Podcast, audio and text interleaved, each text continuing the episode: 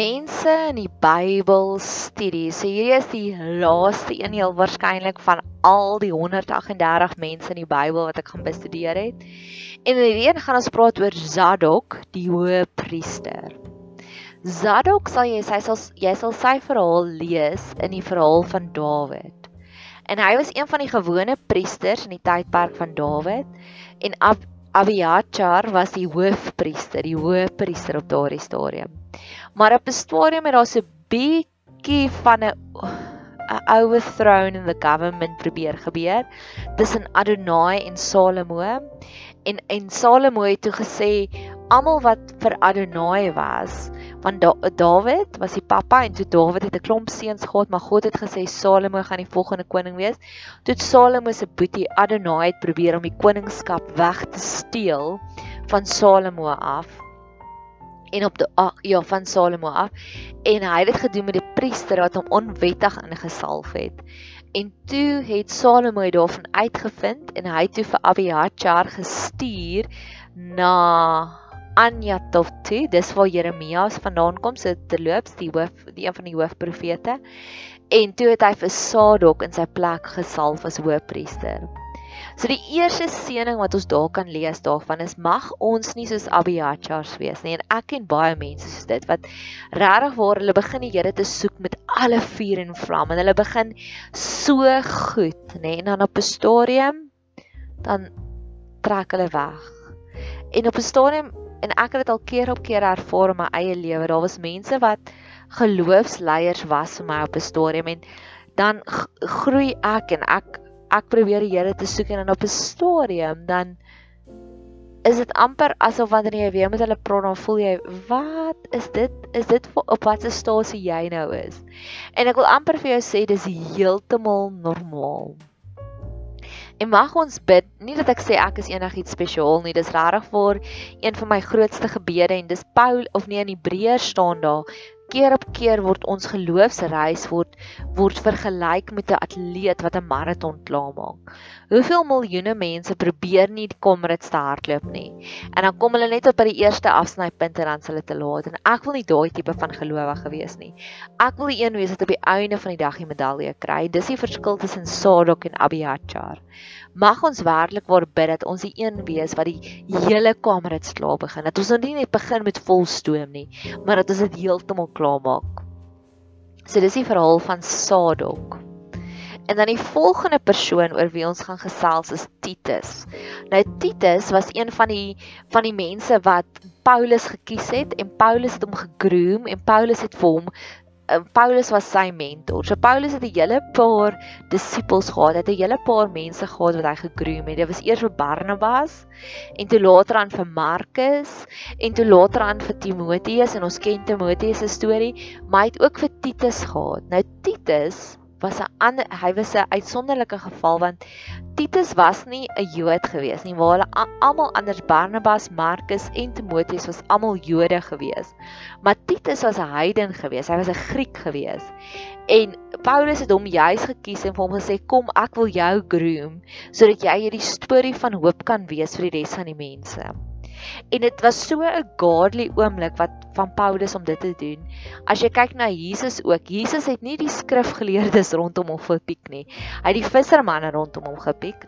En vissermanne, as jy gaan kyk op daai stadium se kultuur is, dit was die substandaard mense van die gemeenskap op daardie stadium gewees. As jy 'n seentjie gehad het, 'n Joodse seentjie, as jy 'n Joodse mamma en pappa gehad het en jy het 'n Joodse seentjie gehad, dan was die beste prys wat jy kon kry is omdat daai seentjie eventually eendag 'n fariseer moes word.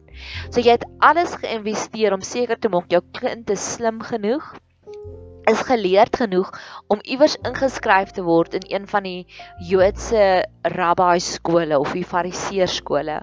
Maar as jou kind dit nie gemaak het en as hy te dom was nie, dan het hy teruggegaan na 'n ambagsman toe. Nou Josef was 'n carpenter gewees, hy was 'n skrynwerker gewees en En onthou net, Jesus kon gekies het in watter gesin hy kon gebore gewees het en hy het gekies om daar in daai skrynwerk in Josef se huis gebore te wees. En al die disippels wat hy gekies het was vissermanne gewees. So op daai stadium het almal eintlik vir hulle gelag want hulle was nie goed genoeg nie. Hulle was nie worthy genoeg nie. Dis so goed soos in vandag se tye. As jy slim genoeg is, dan gaan jy universiteit toe. As jy te lui was op skool, dan word jy ehm um, wat ook al My pa het altyd gesê as jy nie hard genoeg as ek nie hard genoeg geleer het op universiteit nie, jy gaan 'n tilslaaner word by checkers. So dalk is dit so iets, dalk is dit die vergelyking waar by vissermanne was. En dan nog een wat Jesus gehad het, hy het vir Maria Magdalena en die Bybel sê net vir Maria Magdalena die een vir wie hy sewe demone uitgejaag het, nê. Nee?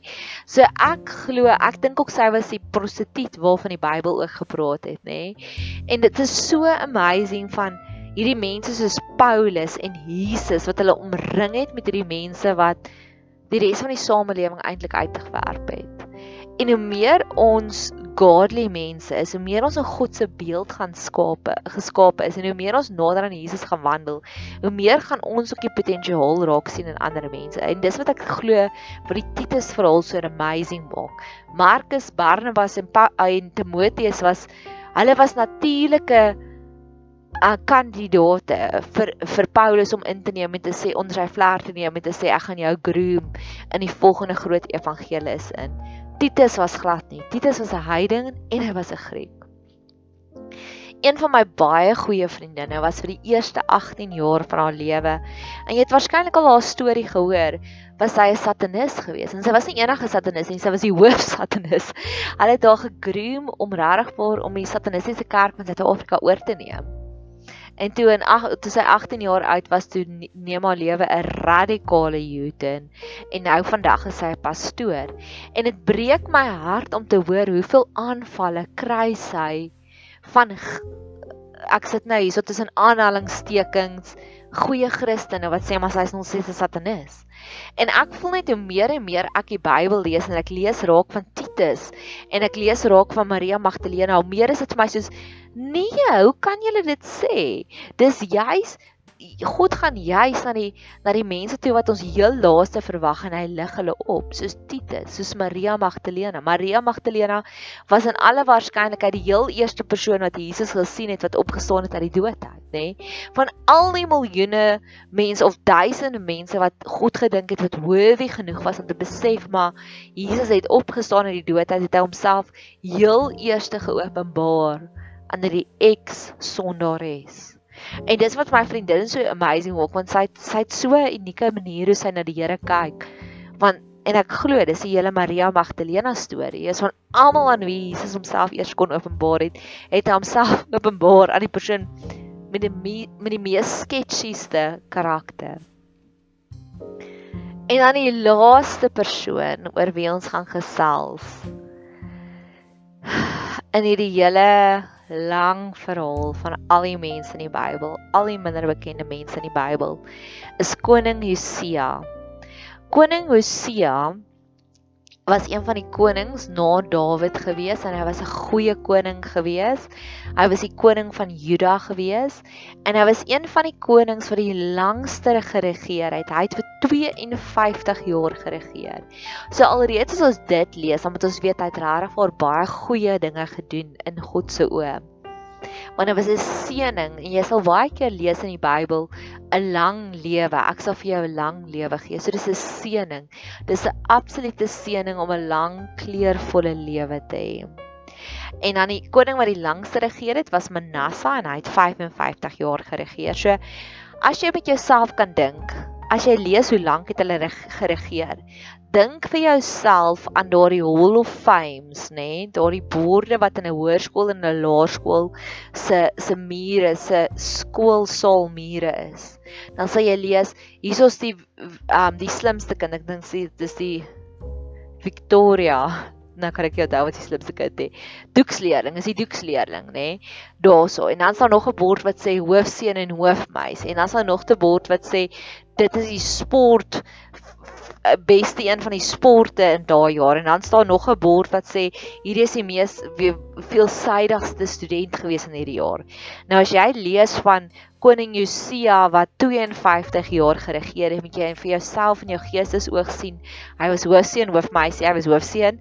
Hy was die slimste, hy was die doeksleerling, hy was die mees sportiefste een. Die enigste een wat hy net gekry het nie was die mees volsarigste een en Manasseh het hulle almal gekry. So dis dis 'n groot eer. Of wag, hier is ons nog 'n voorbeeld. Jy weet as wanneer jy 'n soldaat sien en baie meer oor see, ek het dit al baie keer in Amerikaanse flieks gesien. Dan wanneer die soldate hulle hulle meer hulle formele drag aan het, dan sal van hulle wat al die war badges het. Nou koning Josia moet jy sien iemand wat baie war badges het. Of weer eens nog 'n skool vergelyking, 'n hoofleiers. Daar was van die mense wat saam met my was, ehm um, ag nie hoofleiers nie, matriekstudente met hulle ereklere baadjies. Dan was daar nie meer genoeg plek op die ereklere baadjie vir al die badges wat hulle het nie. So dis wat jy moet sien, jy moet sien in jou geesesoog Josia was 'n goeie koning geweest. As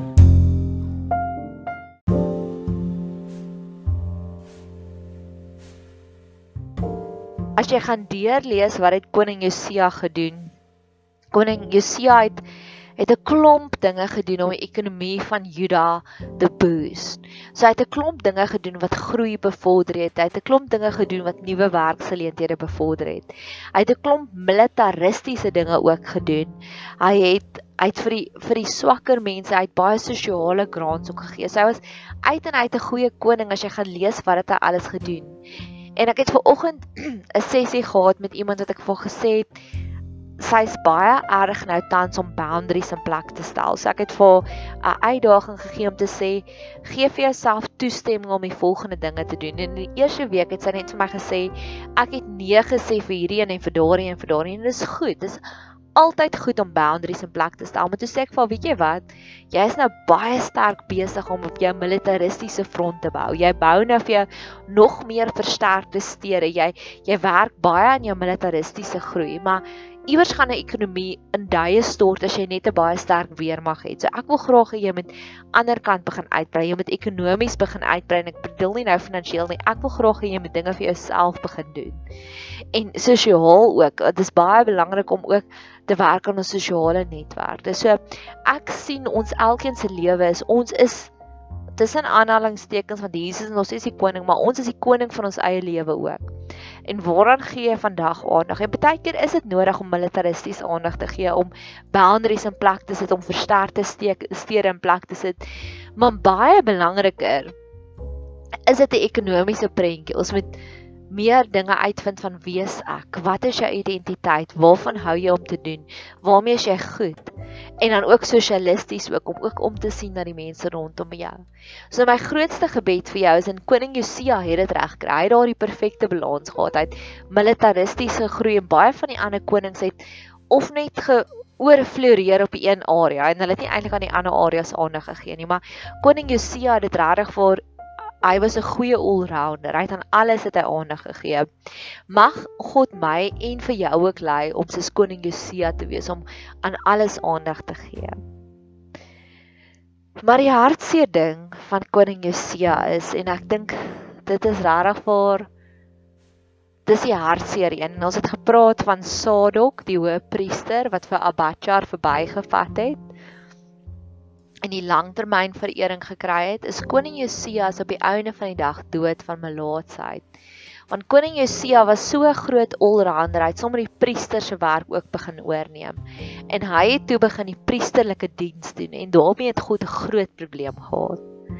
En ek het in die week het ek daaroor gedink dat ek glo dis 'n groot probleem vir ons as gelowiges as ons probeer so alles self te doen. Ons ons gaan nie na ander mense toe om te sê help ons nie en mag ons nooit wees soos koning Josia nie. Koning Josia wat 'n fantastiese CV gehad het.